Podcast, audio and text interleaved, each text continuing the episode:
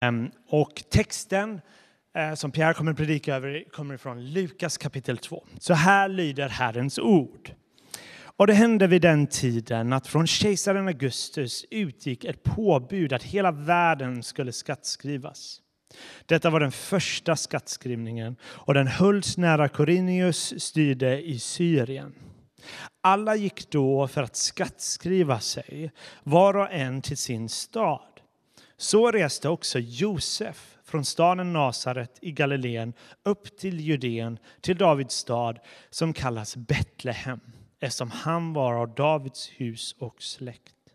Han kom för att skattskriva sig tillsammans med Maria, sin trolovade som var havande. Medan de befann sig där var tiden inne för henne att föda och hon födde sin son, den förstfödde.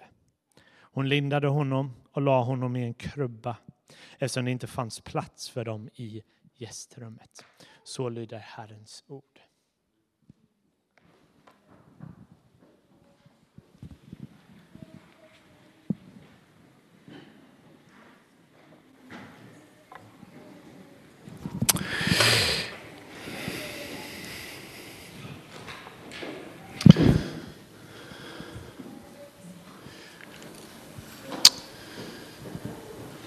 Visste du vad eh, kaos har för definition i eh, Nationalencyklopedin? Nej, kanske inte, men här, så här står det i alla fall. Naturvetenskaplig term för att, för att beskriva en tillstånd då utvecklingen av ett system är omöjligt att förutse. Den texten vi precis läste kommer inte, här kommer inte vara en helt normal adventspredikan. Jag hoppas att du är okej okay med det. Eh, Jesus och kaoset har jag döpt den här adventspredikan till. Och eh, den här texten, kanske en av de mest kända texter som vi brukar lyssna på, särskilt emot jul. Och det låter väl lite mysigt hela den här grejen.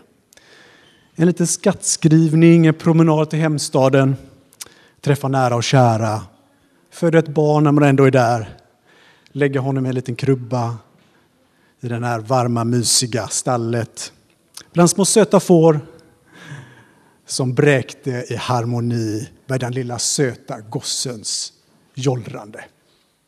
Jag skulle säga, jag vet inte om det är din eh, bild riktigt, men eh, för mig har det varit den här sinnebilden. vet man, man hör om krubban och hur, hur allting verkar vara väldigt sympatiskt och fint. Och det finns en viss sanning i det här att det fanns, allting var väl inte fruktansvärt och jag ska inte ta någon alternativ skräckhistoria nu hur det skulle kunna vara. Eh, så, var lugn där. Men eh, faktum att Jesus föddes in i en bruten och trasig kaosvärld är ändå värt att stanna upp vid. För ända sedan fallet i Eden så har människor befunnit sig, och du och jag befunnit oss i, allt annat än en drömlik situation. Någonting är ur led och alla människor på något sätt upplever detta. Faktum är att även när Jesus växte upp och sen, verkar vi, vi vet inte så jättemycket om Nasaret-tiden när han växte i en uppväxtby. Eh,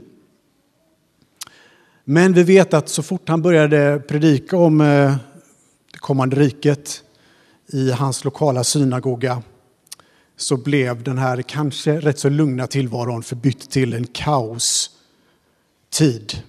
Det första som händer är ju att han blir, eh, alla hans gamla vänner där i Nasaret vill döda honom för att han säger att det är om honom det står i Jesaja. Så kaoset startar direkt runt Jesus. Farise, eh, andra exempel som kaos runt, omkring Jesus är ju att fariséerna ständigt är där och petar och försöker få hitta fel. Anklagar honom för någonting. Folk dör, folk är sjuka omkring honom. Runt omkring, i hans närmaste krets, så är det till och med kaos bland hans lärjungar som inte fattar grejen utan tänker att han ska vara någon typ av krigar-Messias. De förstår inte grejen och han är ensam i det här kaoset, Jesus, i ropen och ofta i mitt i folks förtvivlan. Men det mest kaosfyllda kanske för Jesus är när han hamnar i Getsemane. Dagen eller natten, kvällen innan han blir korsfäst. Jesus kämpar för hela mänskligheten och hela det kaos som människan befinner sig i. Det är själva Getsemane är där det början på återställandet till ordning och lugn. Mer av det senare. Men detta är kanske den mest utmanande stunden. Där jag var i Getsemane bara för några veckor sedan. Jag var i Israel och, och, eh, och reste runt lite med jobbet. Och eh, då tänkte jag så här, ja, men nu ska jag, jag, ska, jag ska, innan jag kom liksom till, till Israel tänkte jag så här, Gud, jag skulle bara vilja uppleva lite grann, liksom, vad, hur var det här? Du vet, det, det är liksom mycket kaos runt omkring och man skulle vilja ha, jag skulle vilja ha en liten sån här öppning vad, vad, med upplevelser liksom, som går, går bortom det man bara kan se. Och då när vi var i Getsemane trädgård, det ligger alldeles precis vid tempel, man ser tempelplatsen, nu är det ju eh, moskéer och grejer där uppe. Men där var ju templet och det är så jättenära, det är några hundra meter bara. Så i skuggan av templet så utkämpar Jesus den här kampen helt utanför liksom det religiösa etablissemangets centrum. Och han kämpar där på det mest fruktansvärda sätt när hela helvetet kommer emot honom och vill säga, det var min lilla upplevelse, du behöver inte göra det. Det här är inte din, ditt uppdrag, du ska liksom vara någon annanstans. Du kan bara ge upp den här, det här uppdraget som du just ska göra. Den pressen eh, från det andliga mörkret upplevde jag bara en liten kort stund när jag var där. Och det kaoset som Jesus upplever på den platsen är kanske crescendot av allt det som han har varit med om. Som ni vet så slutar det ju med ännu mer kaos. Lärjungarna springer därifrån, överger honom. En av hans närmaste, Judas, förråder honom. Kaoset blir i sitt crescendo under den här kvällen. Och det blir värre.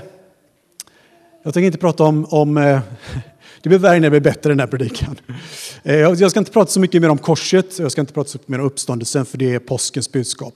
Men Jesus lovar att samma saker kommer hända oss som honom.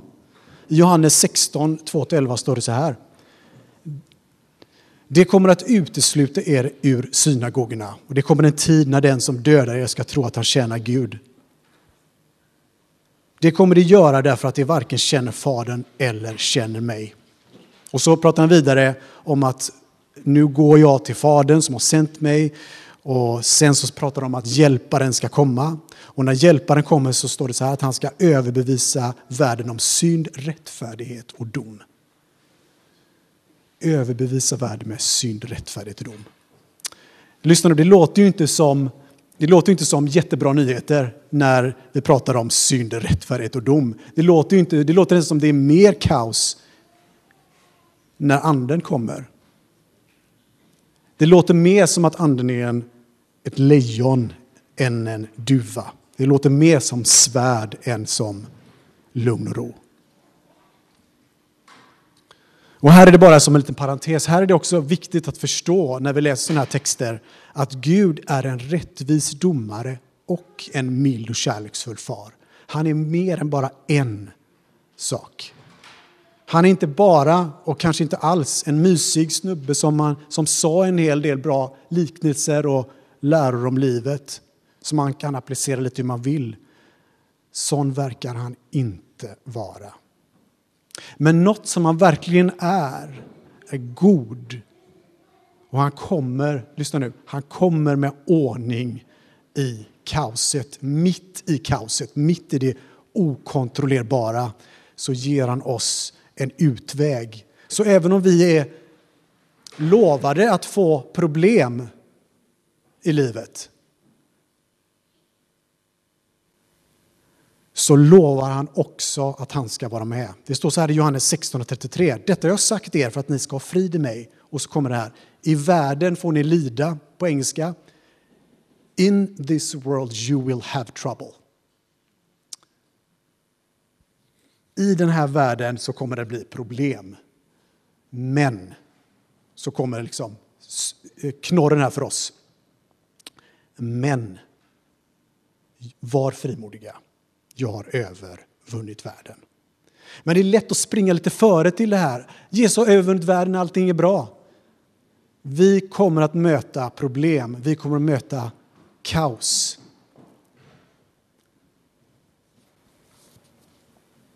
Utan honom så är det kaos fortsatt. Vi, är en, vi har inre oro, vi har yttre press. Och det är omöjligt menar jag, för den som är troende är det omöjligt att navigera världen och, och livet utan att ha honom som sin garant för frid och lugn på insidan. Jag vet inte om ni har varit med på den här tiden då det fanns Nintendo 8-bitars. Eh, eh,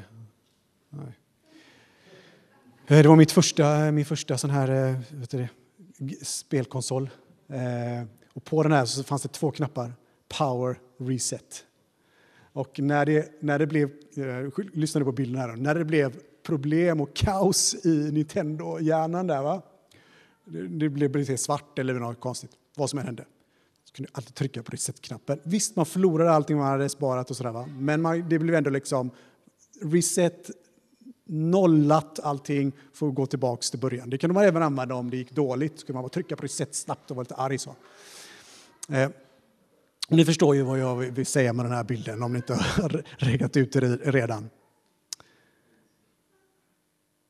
Jesu försoningsdöd och uppståndelse är reset-knappen som vi kan trycka på för alla som vill ta emot. Reset-knappen behövs tryckas på mer än vad vi gör i våra liv. Alltså, när det går dåligt, när det blir kaos, så är det för att vi inte, tror jag, så är det för att vi inte är, vi lever inte det lärjungaliv som Gud har kallat oss till. Och vi kommer ur fas och så tänker vi precis som alla andra gör. Det här får jag sköta själv, det här får jag lösa på min eget, mitt eget sätt. Det är upp till mig att fixa de här grejerna. Och så när vi känner att det är oro och jobbigt så sätter vi på Netflix istället för att be till Gud.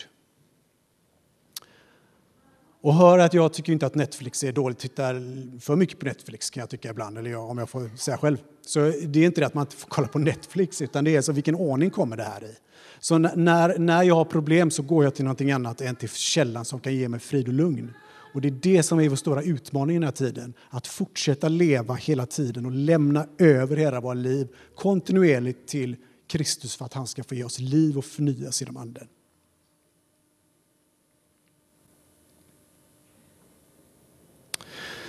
Det står också så här i Johannes 14 och 27. Jesus säger frid lämnar jag åt er, min frid ger jag er. Jag ger er inte det som världen ger. Jag ger inte lösningarna som världen ger. Var frimodiga. Låt inte era hjärtan oroas, säger han. Och tappa inte modet. Hur ska vi inte tappa modet? Hur går det till när man känner oro och tappar modet? Kom inför Kristus. Säg till honom, det här har skitit sig igen. Hjälp mig att få tag i din nåd igen. Låt mig återigen förstå hur mycket du älskar mig. Överskölj mig av din ande så att jag kan leva så som jag bör. Det kristna hoppet är att mitt i kaoset som livet ofta är så låter han ha oss lugn och ro och frid. Och min uppmaning till oss, till mig och till dig är att inte låta det här bara bli en fin teori. En kristen sak som just det, det var det där också. Eller någonting, ja en fin teori. Låt det hellre bli en sanning som får definiera vem du är. Nöj dig inte med mindre än att han får definiera vem du är. Så att du har hela din trygghet och glädje i honom. Och jag menar att detta är det som är sann efterföljelse och att vara en kristen. Så för att upprepa, eller påminna kanske snarare sagt, eh, i en lite annan beskrivning. Hur ska det gå till? Hur gör man det här? Så här, jag vet inte om du tycker det är lätt eller, eller inte, antagligen inte. Bekänn dina synder, lämna allt där, erkänn allt för honom, prioritera den kristna gemenskapen framför annat, lär dig Bibelns berättelser som om det gällde dig, inte nödvändigtvis alla detaljer, utan lära dig det stora narrativet och hur du är inbyggd i det här. Hur du är objektet för Guds kärlek och nåd. Och, lit, och sista säga, och lita på att han hör dina små trossvaga viskningar i bön.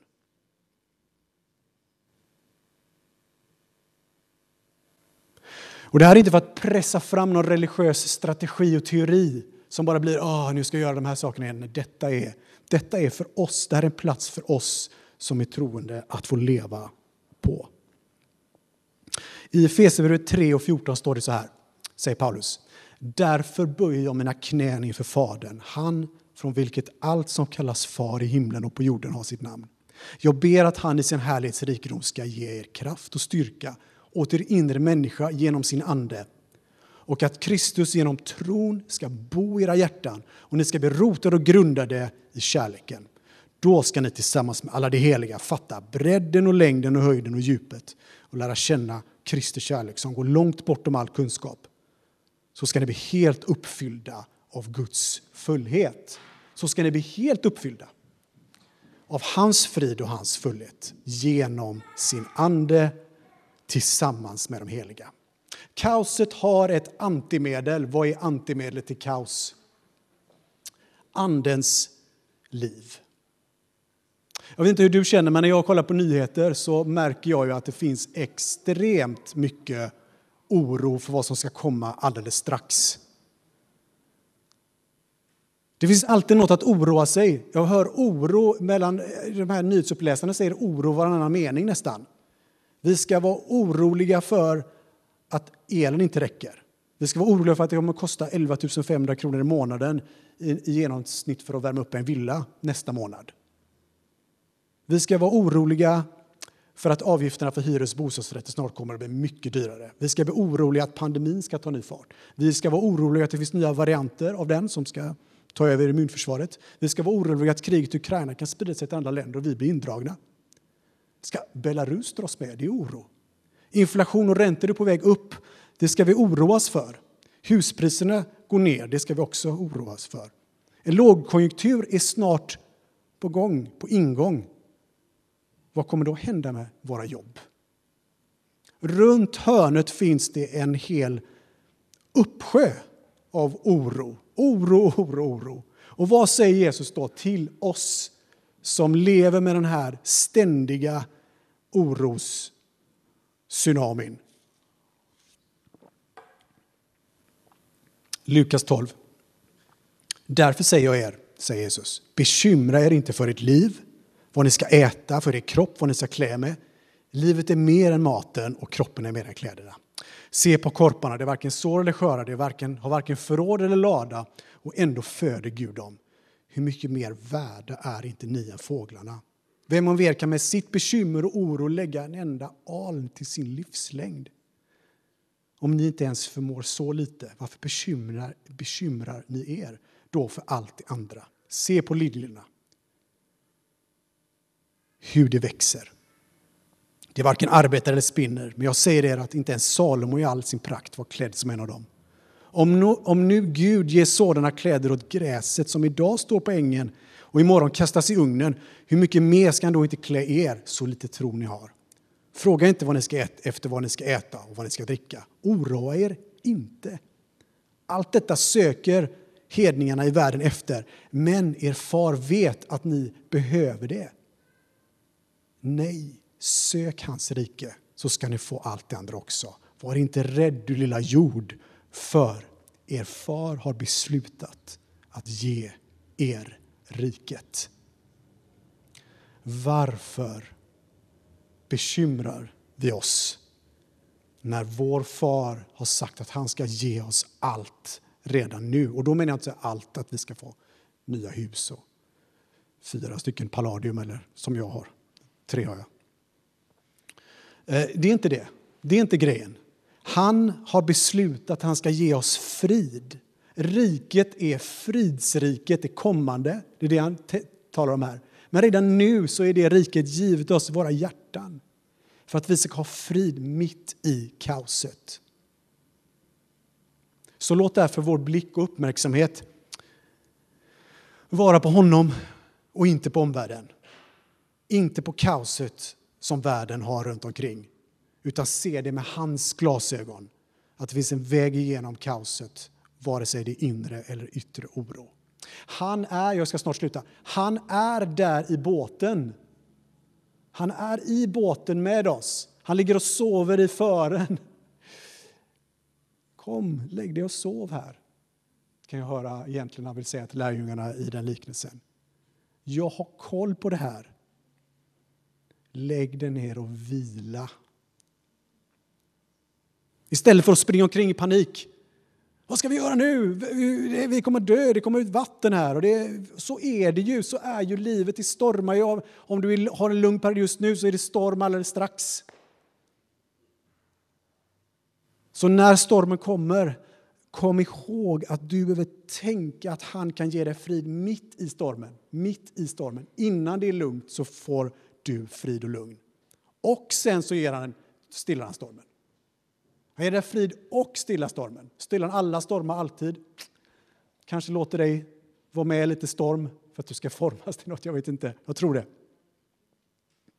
Men i den här tiden i advent, för att alldeles strax landa, Advent är ju, är ju väntan på det som kommer. I väntan på det som ska bli oss givet av fri, som en fri gåva. I Jesaja 9 står det så här. För ett barn blir oss fött, en son blir oss given. På hans axlar vilar herradömet. Hans namn är under rådgivare, mäktig Gud, evig far, fridsförste. Det är den här kungen som föds under julen som ger oss den friden. Det är det vi väntar på och tänker på. Så den här, friden, den här julen, tänk inte så mycket på att det handlar om julklappar och tomtar och granar. Utan tänk på att friden är given i honom. Det finns en sång som jag, som jag inte har lyssnat på, men som jag har läst texten till, som är en gammal psalm som en eh, eh, tror att hon är engelsman, Annie Johnson Flint har skrivit. Jag tänkte jag skulle läsa den för er som avslutning. Om du vill blunda får du jättegärna göra det. Jag ska läsa på engelska. Det är tre stycken små texter i den här, eller tre vad ska jag säga, verser eller vad heter det? He giveth more grace when the burdens grow greater. He sendeth more strength when the labors increase. To added affliction he addeth his mercy. To multi- multiplied trials he multiplied peace. His love have, has no limit, his grace has no measure, his power no boundary known unto men. For out of his infinite riches in Jesus, he giveth and giveth and giveth again. When we have exhausted our store of endurance, when our strength has failed ere the day is half done, when we reach the end of our hoarded resources, our Father's full giving is only begun. Amen. Låt oss be. Tack Kristus att du ger och ger av dig själv. Tackar dig att vi får se på dig, förstå vem vi är bara i dig, Kristus. Tack att du ger oss av ditt liv. Tackar dig att vi har fått ditt liv i överflöd. Tack att du ger oss frid mitt i stormen. Tack att du ger oss lugn när vi har det jobbigt. Tackar för att du är med oss i varenda relation, varenda plats som vi går på. Lär oss att lämna allting till dig. Lär oss att förstå att du älskar oss och vill ta hand om varenda del av våra liv. Amen.